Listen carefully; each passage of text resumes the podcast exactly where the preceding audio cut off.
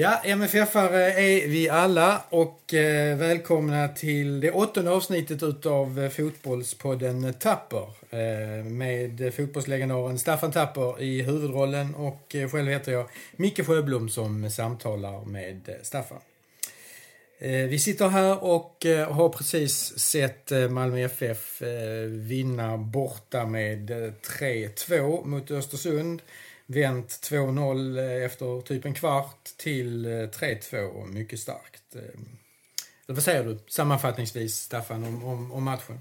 Matchen hade ju väldigt många ansikten tyckte jag.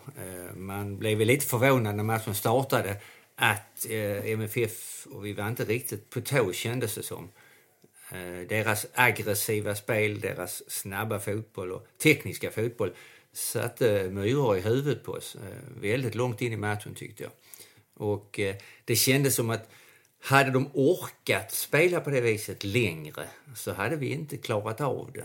Nu blev det ju en väldigt konditions och fysiskt krävande fotboll mm. de spelar. Mm. Men de är svåra att möta och har vi märkt alla matcher vi har mot dem. Det blir väldigt tufft, det blir intensivt, det går snabbt, det blir dueller och fysiska situationer, frisparkar och straffar och allt det här. Så att, eh, ja, det är svåra matcher så att det är tunga tre poäng vi flyger hem med. Ja, och det kan ju inte komma som någon överraskning även om nu Östersund har tappat eh, både tränare och ett antal nyckelspelare att de spelar på deras sätt och att det fortsättningsvis är deras sätt att spela på det kanske var den största överraskningen för mig. att uh, Det kändes som att vi inte hade läst in det ordentligt. Utan vi blev lite överraskade att det såg ut på det viset. Och jag blev inte överraskad. Eh, absolut inte. Och det, det, skulle vi inte behöva vara. Vi fick alltså inte tid på oss. Vi, vi är vana vid, vi har tre bollskickliga rutinerade mittbackar som är vana vid att rulla lite boll mellan sig. Men det, det tillät inte Östersund den första 20-25 minuterna. Gjorde två mål och vi såg väldigt stressade och, och svårt att hänga med, eh, kändes det som. Sen får vi arbeta in i matchen. Vi får mål, 2-1 då började det vända tyckte jag. Men äh, inledningen såg inte bra ut. Jag tyckte inte att vi skulle behöva vara så överraskade som vi blev. Mm. Det har ju varit ett, ett, ett uppehåll här eh, i, i, två veckor, ett landslagsuppehåll. Alltså, spelar det någon roll överhuvudtaget? Eller det, det, det, det har ingen betydelse i, i det fallet? Ja, det vet man ju inte. Nej, Vi har nej, inte facit i hand. Men man kan säga så här att Eh, de tre sista matcherna för Östersund var ju i negativ trend och våra tre sista, eller till och med de sista sen Ove kom, har ju varit väldigt positiva. Så att det är hur man förvaltade det här uppehållet. Och det var väl helt klart att Östersund hade en matchplan som var väldigt klar hur de skulle störa oss. Vi var lite överraskade, men som ett bättre fotbollslag ändå till slut så, så, så behärskade vi det och, och vann matchen. Men eh, det är lite grann hur man förvaltar. Vi har lite olika förutsättningar också tycker jag. Att Östersund är nu inne och ska naturligtvis kämpa om att bli om en Europaplats till, till nästa år. Vi har då fokus på både Euroleague och allsvenskan. Mm. Så att eh, planeringen kanske har sett lite annorlunda ut. Va? Mm. Det kan jag tänka mig. Mm. Eh, även om man, om man bortser från den här första kvarten, första 20, eh, då Östersund var väldigt aggressiva, är vi väl ändå det bästa laget över, över 90 minuter? Kan vi, kan vi säga det? Liksom? Det, det, tycker jag absolut att vi kommer in och det, det kändes också, om man nu ska vara kritiska mot Östersund på det sättet de spelar, att det är ändå så att en match är 90 minuter. Och eh, de spelade en fotboll som de orkade, såg det ut för 30 minuter. Och sedan så gjorde vi mål. Så, så, inte att de föll ihop, det vill jag inte säga, men då hade de inte kvar den intensiteten och den kraften. Och det, det innebar också att vi kunde spela igenom dem, för de ligger på väldigt hårt. När vi kunde, med tre, fyra, fem spelare, när vi spelade igenom det så blev det ju enorma ytor på planen att mm. hantera. Mm. Så att det de gjorde väldigt bra i början, det gjorde vi väldigt bra i slutet. Men de gick nog lite grann i sitt eget fall när de trodde kanske att de skulle orka mer. De gjorde två mål och sen hade de ett resultat att kanske spela på. Hade de klarat det kanske till halvlek så kunde det blivit en annan match. De kunde backat hem, spelat lite mer på kontringar. Men det känns som Östersund, de är inte det laget. Jag tycker de har en mm. tradition sen Graham Potter kom till dem. Mm. Att, att, spela på ett visst sätt och det fullföljer de. Det ska de ha stor eloge för tycker mm. jag. Ja, alltså de spelar det, det spelet en kvart 20 och fortsätter men sen känns det precis efter en halvtimme där så lägg, faller de tillbaka och, och, ja, och då gör vi ju två mål där. Ja, de två snabba mål. ja, det känns som att man orkar inte hålla den intensiteten. Nej. Eller den intensiteten som man har hållit ger utslag i, i fysiken och kraften.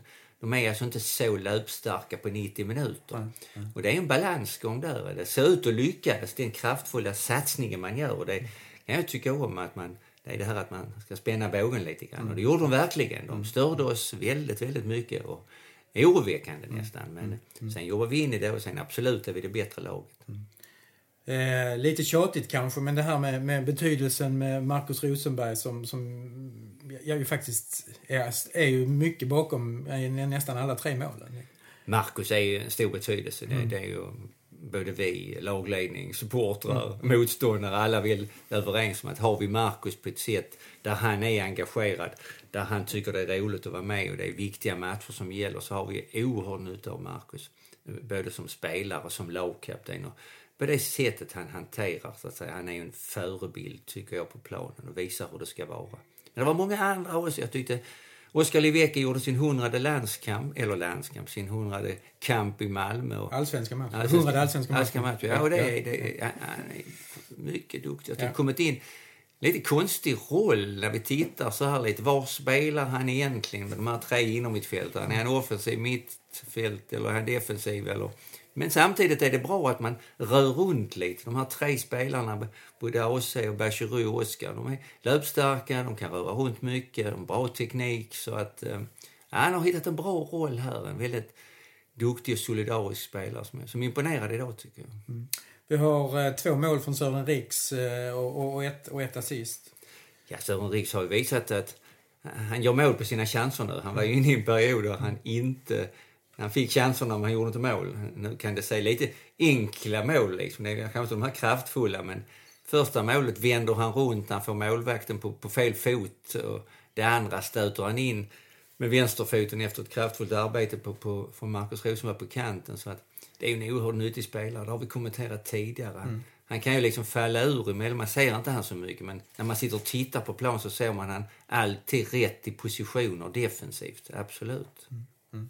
Och det är också viktigt då att, att Antonsson får, får lov att uh, göra ytterligare ett mål. Det är ju så. Han är ju där för att göra mål och uh, det fick han göra idag igen. Absolut. Alltså, som forward är det som ung spelare också, vad vi säger ung, ung, men han är väl 25-26 år. Men ändå, det är ju den biten som alltid tar självförtroendet. Så att det ska han ha med sig nu när vi går in i Europaäventyret på torsdag. Att han är målskytt och han är från start och han ska göra mål. Och det håller i sig så, är det en gudagåva att ha med oss. Mm. Eh, om vi tittar lite på Östersund som, som klubb, eh, som ju eh, lite, lite grann Åshöjden som gick igenom serietabellerna och upp i Allsvenskan och sen ut, ut i Europa på ett fantastiskt sätt. Men du har också mött klubben från, från, en, från en annan synvinkel, från hur de jobbar med, med, med, med klubben i samhället och så. Ja, alltså jag är väldigt imponerad av klubben, hela dess historia. De bildades 1996 och då slog de ihop IFK Östersund och, och OP. Och, och sedan hade de en stark vandring upp i, i systemen, seriesystemen, upp i allsvenskan. De eh, fick en engelsk tränare, Graham Potter. Och jag kan väl säga att jag kände, har väl känt Graham Potters uh, påverkan på klubben lite grann när Bob Houghton kom till MFF 74. En mm. ung engelsk tränare, tydlig spelidé, visste precis hur han ville ha det, vilka spelare han ville ha och byggde upp en organisation. Eh, fick resultat direkt med laget vilket då gör att man bevisar för spelarna på något vis att det jag säger och tränar är rätt. Mm. Det är en väldigt viktig psykologisk eh, bit. Men just runt omkring också med den ordförande med Daniel Kindberg där man visade en oerhörd kunskap och fingertoppskänsla när det gäller att scouta spelare. Man plockade spelare som kanske inte hade lyckats så mycket i andra klubbar, både från England och i Sverige. Man, man hittade Bachirou som är från Komorerna mm. och man hittade honom, ja, han spelade i Frankrike och sen var han i Skottland. Ja, Men ändå ja, så ja. Graham Potter hade, han hade ingångarna i England. Mm. Han plockade lite spelare, vi ser här Edwards och Hipcott och vad de heter. Så att, ja, det är en jäkla känsla för detta. Mm. Och sedan får de att etablera sig som då folkets lag i Östersund Ja. fast man kommer då från så många andra ställen. De var nere hos mig och det är tre, fyra år sedan och tittade över hur MFF arbetar med MFF i samhället. Eh, ville ta med sig de bitarna speciellt när det gäller vår akademi. Eh, att vi har nätverksklubbar, att de vill etablera fotbollen, inte bara Östersund, runt omkring, ha ett gott samarbete. Hur ska vi konkurrera med de andra idrotterna, då, vinteridrotterna i Östersund? Så de var väldigt medvetna om att de har en långsiktig plan också. Så att det inte bara blir att en framgång här i 1, 2, 3, eh, cupen, Euroleague och sedan så bara dör det ut någonstans. Så det känns som att de har lyckats med det. De har verkligen etablerat att sätta fotbollsklubben på kartan i Östersund. Och det är väldigt starkt. Tror du när, du, när, du, när du ser nu på klubben eh, och, och, och tror du att de, de liksom, nu är de etablerade i, i, i allsvenskan ordentligt. Nu är det ändå ett antal säsonger. De har den här fantastiska Europa, eh, Europastoryn som de hade förra året. Känns det som att de är etablerade i, De- är, där de är? De är etablerade. Ja. De, de följde upp med en ny engelsk tränare som Ja. i princip är i, i samma tankegångar som har varit. Och bara det visar, tycker jag, en styrka att man Mm. då liksom inte bryter, kommer ett helt ny tränare och nytt mönster. Utan Mm. Där väljer man samma, man scoutar tränaren ordentligt, att det stämmer överens med den organisationen. Mm. Man har ju skapat en bra ekonomi i klubben. Det är också viktigt, det vet vi i fotbollen. Det här Euroleague gav ju många miljoner. Sen har man ju tappat spelare också, får vi inte glömma. Eh, Sema sålde man till Watford, är det väl, om man inte har rätt. Och man sålde eh, Bachirou sålde man till MFF och Ghoddos sålde man till Frankrike, Ja. Amiens. Och det är rätt så stora pengar som har flutit in. Sen kanske det är många hål att stoppa i, men ändå, man visar ju ändå. Och sen just det som jag säger, att man har scoutat spelare så det känns ju så att man inte har gett allt för stora summor för de spelarna man har köpt dem. Och det innebär ju att då blir det en större summa över när vi säljer dem. Hur, se- hur ser det ut med, med, med bredden under? Alltså eh, ungdomsverksamhet och poj, pojkverksamhet och så. Har de liksom så, så att de kan föda upp med, med, med nya spelare inifrån utan att behöva köpa in för mycket? Ja, den organisationen har de inte Nej. helt klart om man jämför med, med MFF. Inte alls på det sättet. MFF har ju ändå någonstans där man säger i sina grundstenar att vi ska producera egna spelare. Det, det kan man säga i Östersund också men där dröjer det. Och det är liksom den biten som ligger som deras vision kanske 5-10 år framåt. Vilken måste komma.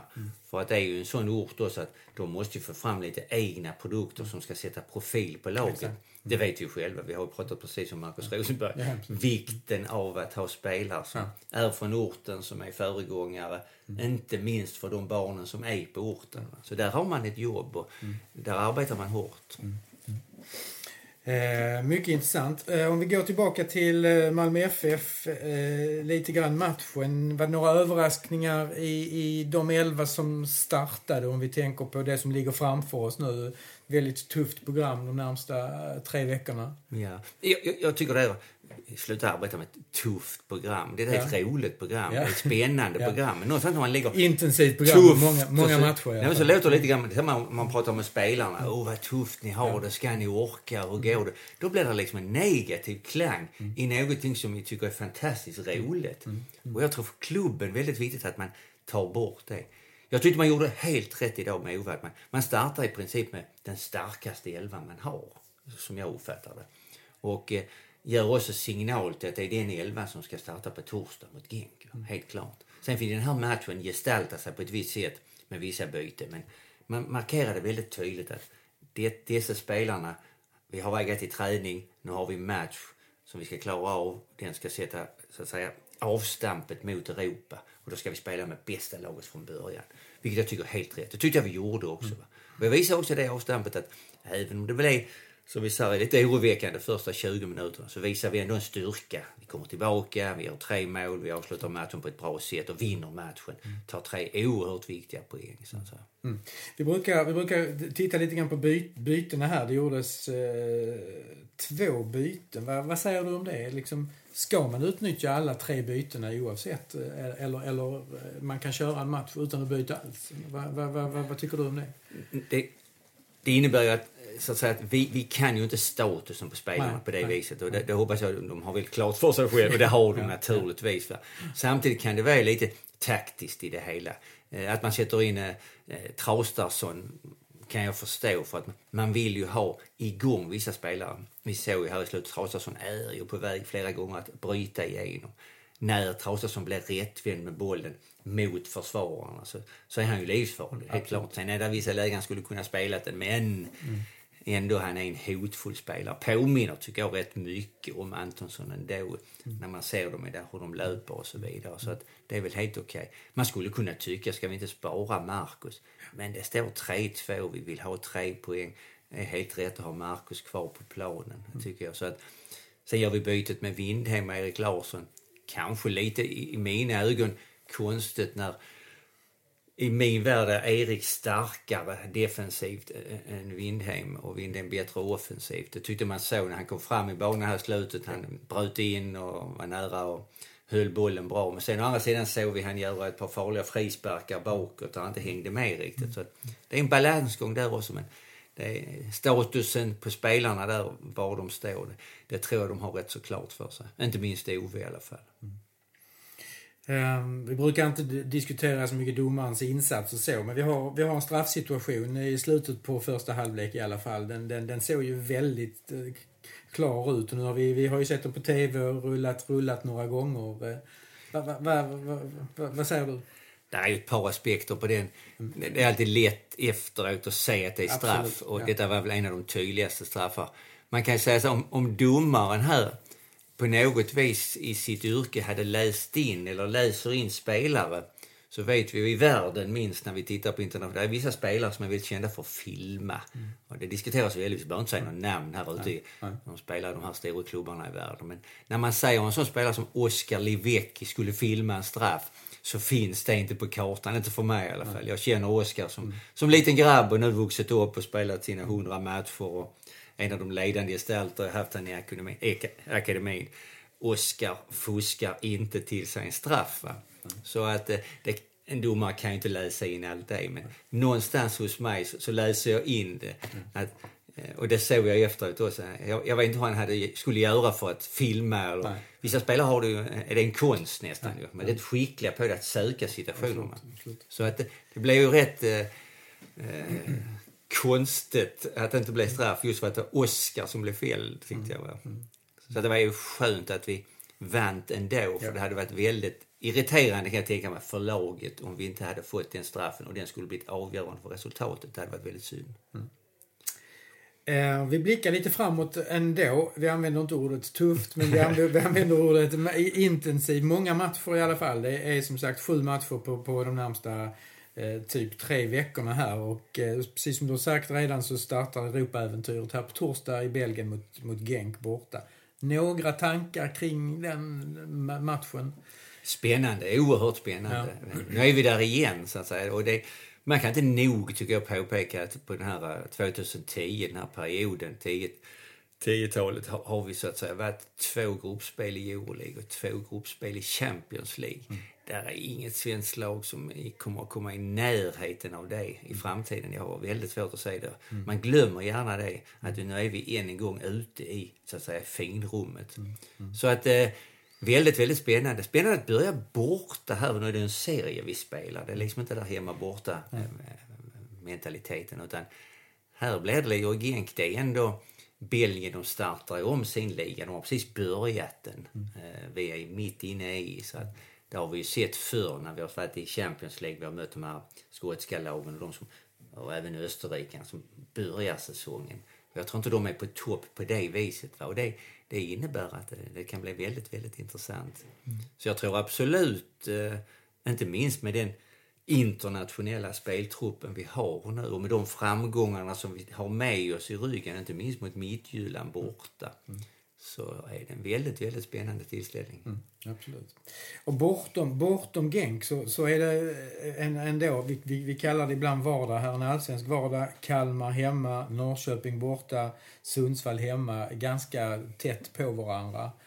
Eh, ja, vi, jag använder inte ordet tufft igen. Nej, men vi kan, ändå, vi kan inte ska använda ordet vardag heller. Nej, för det, det, är ju glänsande matcher ja, så att säga. Jag ja, menar, vi, ska, ja. vi slåss om nu jagar vi Norrköping här framför oss. De mm. möter väl AIK imorgon. AIK imorgon när vi sitter här på, på lördagskvällen. Ja, och så, ja. så det är ju väldigt viktigt. Va? Ja. Det, det, det, är ju jättespännande matcher så att ja. säga. Va? Och den vardagen, det är ju den som är egentligen galaföreställningen hela tiden för oss som är fotbollsälskare. Ja. Det är inte, när man tittar på, du säger, nu har vi nya matcher, men vi som följer fotbollen både i Sverige och Europa, mm. tittade på tv-programmet nästa vecka här, torsdag möter vi Genk, men de matcherna i Champions League på tisdagen och onsdagen, det är ju nästan som man blir lite fotbollssjuk kanske. Ja. Det var svårt att förklara för Karin vilka matcher vi ska titta på och inte titta på. Det blir samma för dig kanske. Exakt, ja precis. Ja. Eh, ja, det blir en spännande vecka. När vi då är tillbaka nästa gång är då på torsdag efter matchen mot Genk borta. Men som ni har märkt så eh, den förra podden den var alltså en 40 år eh, gammal match Eh, där vi följer eh, äventyret mot eh, ett, en Europacupfinal 1979 som då startade för ungefär 40 år sedan med Monaco eh, AS Monaco 19, hösten 1978. Så den kommer vi också tillbaka till. Så det, ja, det ska bli spännande att se om vi klarar av det. Ja, precis. Ja, eller hur? Så att, eh, ja, vi tackar för idag. Vi tackar för tre poäng ja. Eh, och eh, kommer tillbaka på torsdag igen. Ja, tack ska ni ha. Tusen tack, Staffan. Tack själv. Tack. Hej. Hej. vi alla, vi segrar skall men inte falla och ni ska se hon inte gå. Vi stod som en för klubben alla